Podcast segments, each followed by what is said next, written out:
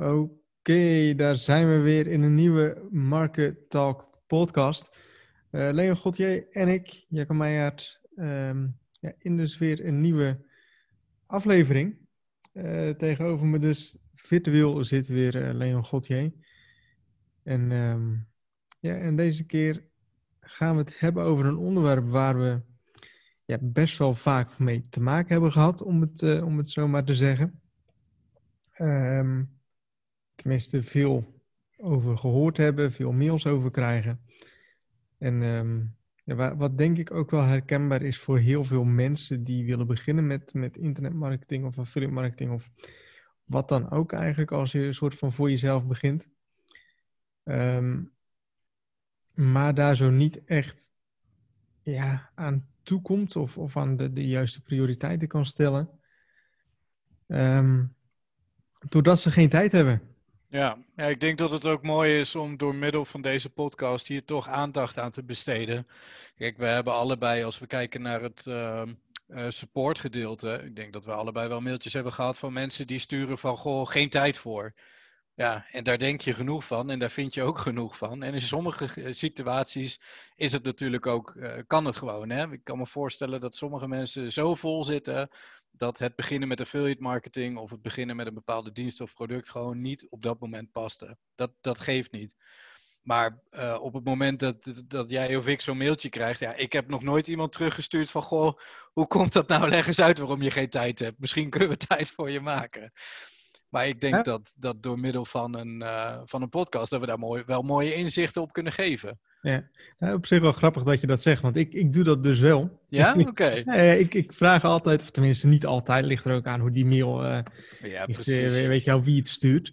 Um, maar ik vraag dan wel vaak van, hey, um, hoe komt het dan dat je geen tijd hebt? Ja, ja. ja dan is het heel vaak van, nou, ik ben druk bezig met werk.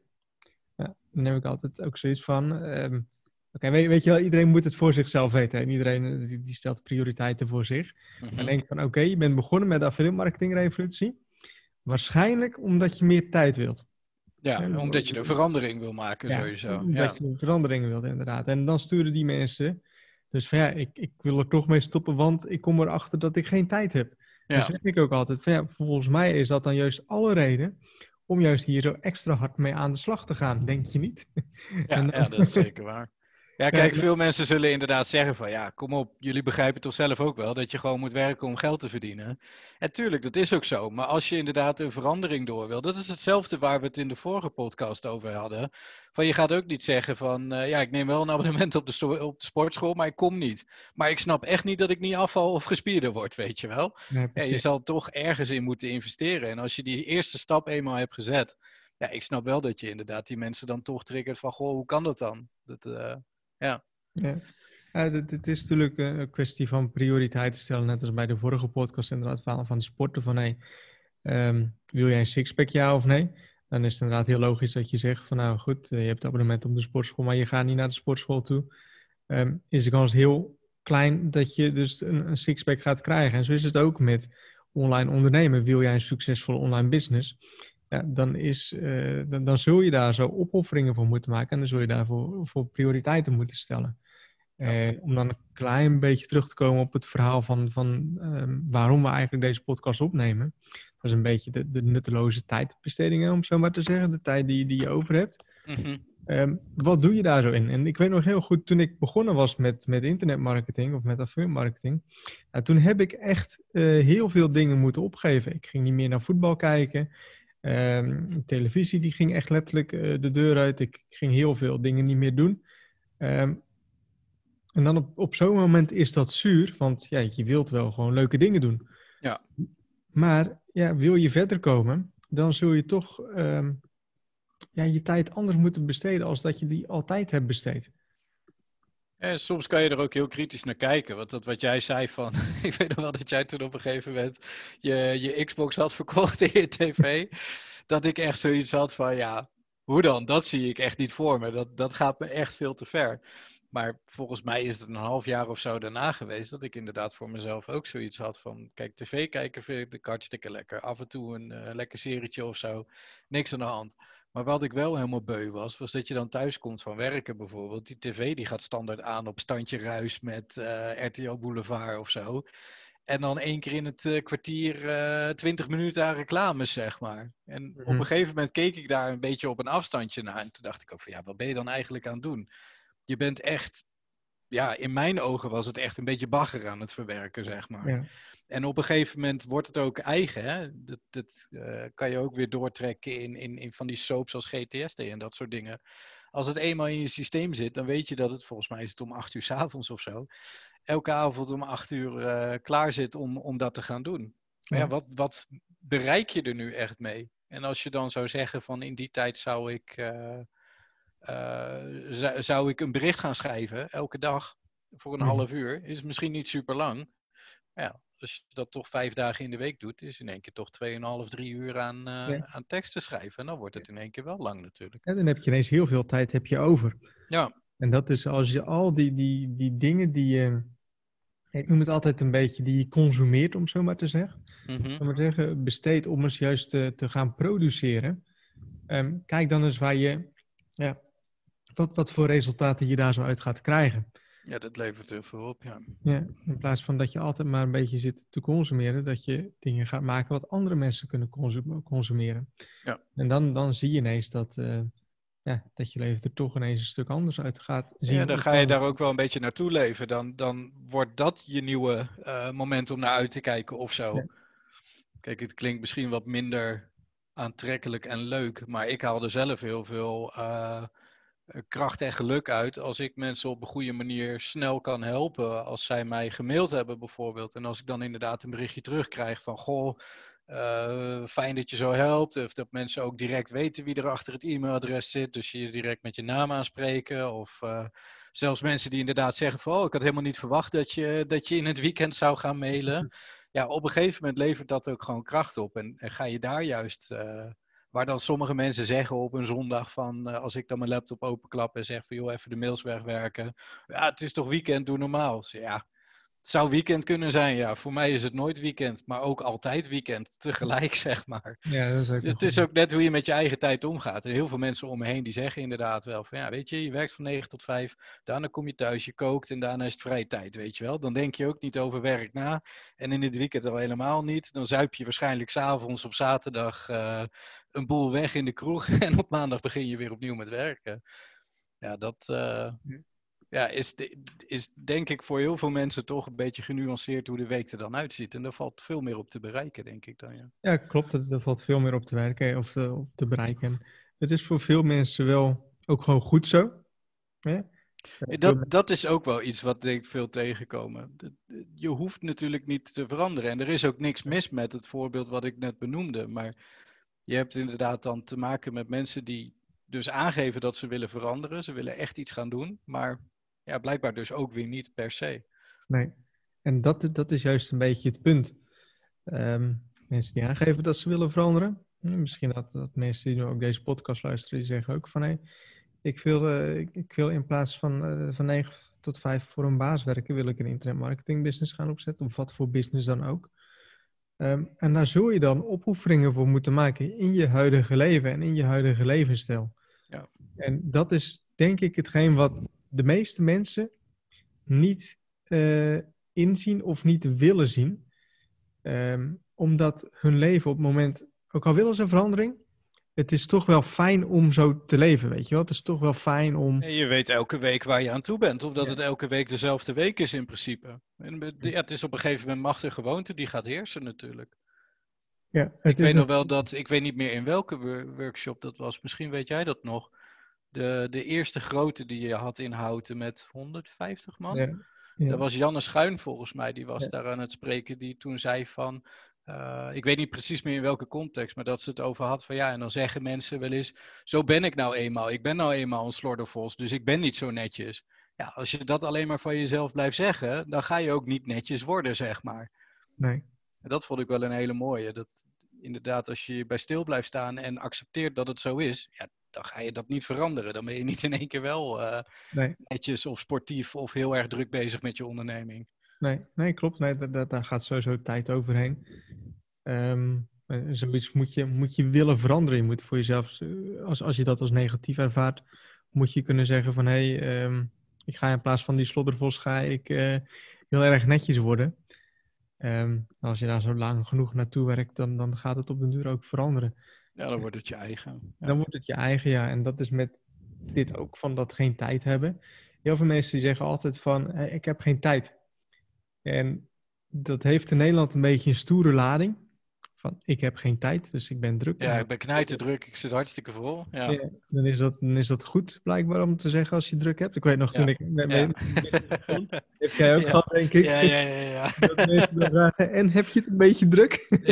ja, ja, ja dat kan ik me nog goed herinneren. Nee, ik probeer het altijd zo rustig mogelijk te hebben. Ja, ja, ja. Uh, ja, dan kijken mensen heel erg raar aan. Van, hé, hoe kan dat dan, weet je wel? Je wilt het toch druk hebben? Ja, ik kan me nog wel herinneren dat ik op een gegeven moment met mijn vader had ik zo'n gesprek. Die ook zei van ja, gaat het allemaal goed? Ik zei ja, gaat wel prima. Ik zei af en toe is het een beetje lastig om zelf in te delen als je gewoon veel tijd over hebt.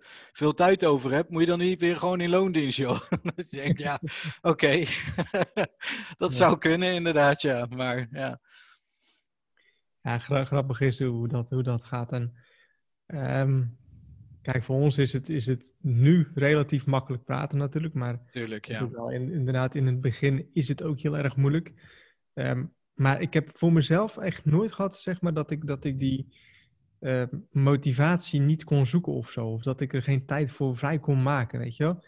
Um, ik wilde altijd wel. En ik wist ook wel van, hé, hey, uh, wil ik dat leven wat ik wil leven? Dan moet ik echt gewoon anders gaan leven als hoe ik dat nu doe. Ja. En ja, dan moet je ook gewoon. Uh, wat, ja, goed, ik las dan daarin ook best wel wat boeken die dat dan ook wel constant zijn. Dus ik wist ook wel van hé, hey, wil ik dit gaan realiseren, dan moet ik dit ook anders gaan doen. En dan ga je dat ook anders doen. Maar vaak bij die mensen die dus mailen van hé, hey, ik heb geen tijd. Dan ga je vervolgens vragen van nou, hoe komt dat? Nou, ik heb, ik heb het druk op mijn werk. Um, ik, ik ben druk met mijn kinderen of wat dan ook. Dan denk ik van oké, dat zijn allemaal goede redenen. Maar je geeft nou aan dat je het te druk hebt met iets. Dus kun je er dan eens niks aan doen. Uiteindelijk stop je nu met hetgeen wat jou meer vrijheid kan geven, zodat je meer tijd hebt om met je kinderen te zijn, zodat je kan stoppen met die baan. Eh, en daar stoppen mensen dan mee. Ja, dus er wordt meer gekeken naar waarom het niet kan, in plaats van dat ze misschien even een uurtje hebben gepakt om te denken van hoe kan het nou wel precies. Ja, en dat is eigenlijk heel grappig om dat te zien, want stel dat jij naar de sportschool gaat of je, je zegt van hey, ik wil een sixpack, en uh, vervolgens uh, stop je met die sportschool omdat, uh, omdat je zegt van hey, ik eet te veel of zo, weet je wel? Ja, ja ik hou toch wel erg van chips. Ja. ja. En daar is, daar is niks mis mee. Alleen het rijmt niet met de gedachten en het plan wat je in je hoofd had. Net, op zich is het inderdaad wel een goede wat je zegt.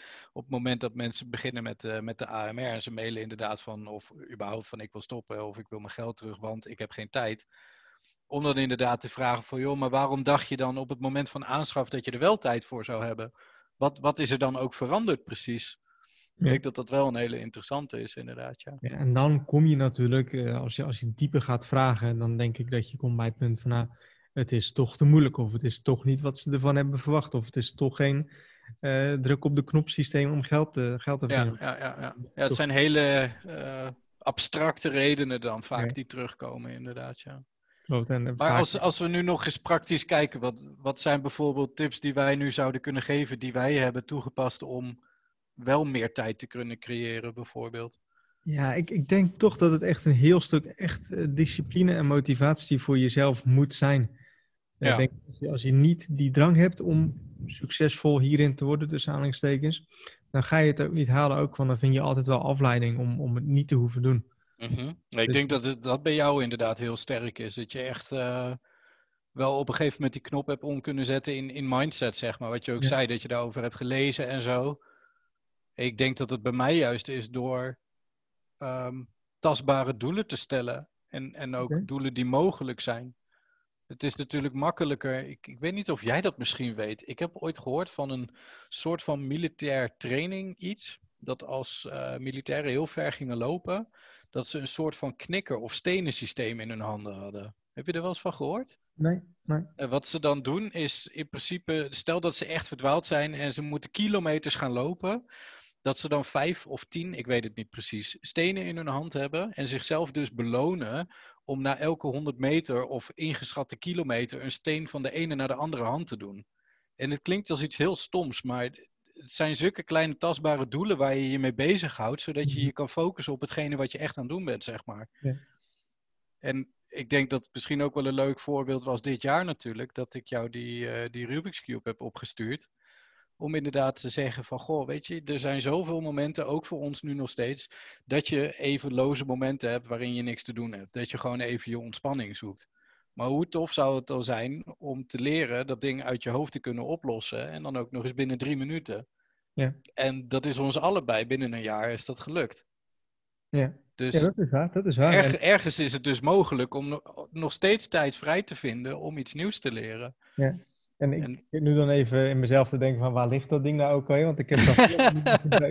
Uh, jij weet ook nog wel dat in het begin, ja, ik, ik was daar zo niet de rekenwonder in, om zo maar te zeggen. nee, nee. Nee, ik het- zag het niet gebeuren, nee. Nee. Dat, is, eh, dat is heel eerlijk, ja. Nee, ik ben nooit goed geweest in, in dat soort inzichten. Dus ehm, hè, om een soort van wiskundig inzicht hè, of, of ruimtelijk inzicht of zo, of hoe je dat dan Ja. ook wil noemen. Ja, dat nooit echt gehad. En dus voor mij was dat heel erg moeilijk. En ik denk voor heel veel andere mensen dat ook heel erg moeilijk was eh, of is.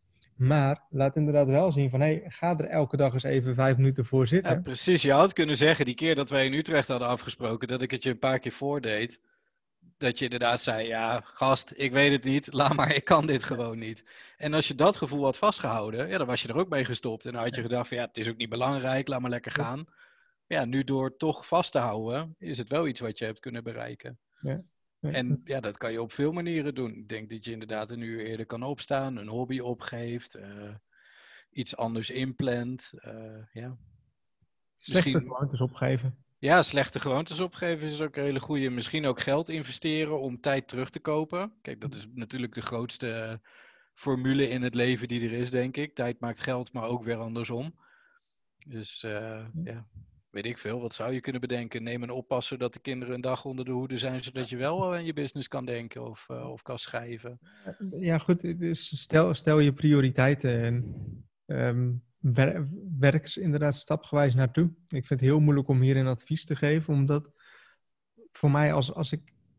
Het gaat heel snel vanzelf, hè? Ja, het, het gaat heel snel vanzelf en ik, ik wilde dit gewoon heel graag. En voor mij was er gewoon geen andere weg dan dit. En als je op zo'n manier leeft en je leest het ook altijd in biografieën van succesvol tussen ondernemers of sporters. Je ziet gewoon, zij, het, het was hun leven, zeg maar. Het is, alles hebben ze ervoor opgegeven om hun dromen te bereiken. Ze, het is waarmee ze 's ochtends wakker werden en waarmee ze naar bed gingen. Ehm, en ik denk dat als je op dat punt bent, als je op dat punt kan komen, eh, dan staat niks meer je in de weg. En dan heb je geen excuus als eh, ik ben druk op mijn werk. Weet je wel, en dan vind je wel een manier om. eh, Ja, daar kijk je daar ook anders naar. Ik denk Ja. ook dat als je inderdaad zegt, ach man, ik ben zo druk, dat je in je hoofd daar ook heel onrustig en druk van wordt. Ja. Hè, Er zijn momenten dat ik inderdaad ook niet rustig ben, dus druk, maar dan probeer ik dat echt voor mezelf wel een beetje af te sluiten of zo, want je hebt het toch niet in de hand. Je, je zal op dat moment toch eventjes druk moeten zijn. ja, dat, dat, dat Ja. hoort erbij. En eh, je moet dan voor jezelf gaan kijken van kan ik het, eh, kan ik mijn leven niet op een andere manier gaan, gaan, eh, gaan indelen, zodat ik het niet meer druk heb met mijn werk. Ja, ja, ik denk dat het ook scheelt als je het niet heel drastisch verandert. Eh, dat je gewoon in kleine stukken er naartoe. Want dat, dat voorbeeld wat ik aanhaalde van dat tv. Ik ben op een gegeven moment gaan kijken naar alternatieven om tv te kijken zonder reclame bijvoorbeeld. Zodat ik nog steeds wel mijn programma's kon kijken. Maar dat ik een programma wat efficiënt een half uur duurde. Ook echt in een half uur kon kijken in plaats van een uur met reclames er doorheen en dat soort dingen. Nou, op die manier maak je ook weer extra tijd vrij. En je kan ook inderdaad zeggen van nou, bepaalde dingen kijk je niet meer, volg je niet meer. Eh, social media bijvoorbeeld, ja, je kan zo lang blijven scrollen als je wilt, maar als je er zelf voor kiest om een kwartier, eh, een Mhm. kwartier per dag maximaal te doen, ja, ik denk dat heel veel mensen ervan opkijken hoeveel tijd ze ineens over hebben. Ja, klopt.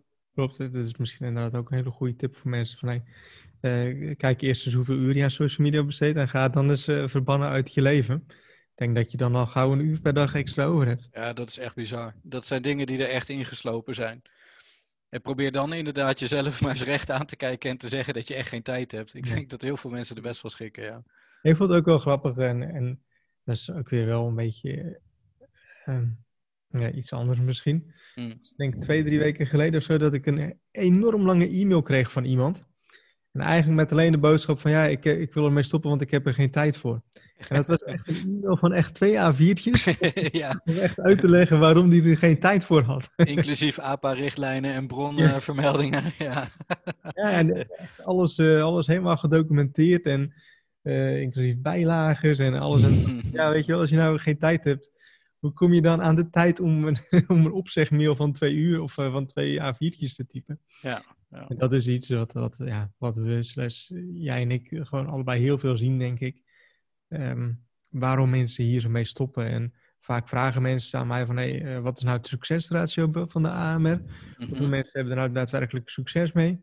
Um, zeg ik altijd, nou, dat ligt gewoon heel laag. En dan zeggen ze altijd, nou, hoe komt dat? Gewoon puur omdat de mensen opgeven. Je Ja. Mensen die er gewoon, die er minimaal een half jaar aan bezig zijn, zijn mensen die al gewoon commissies hebben behaald.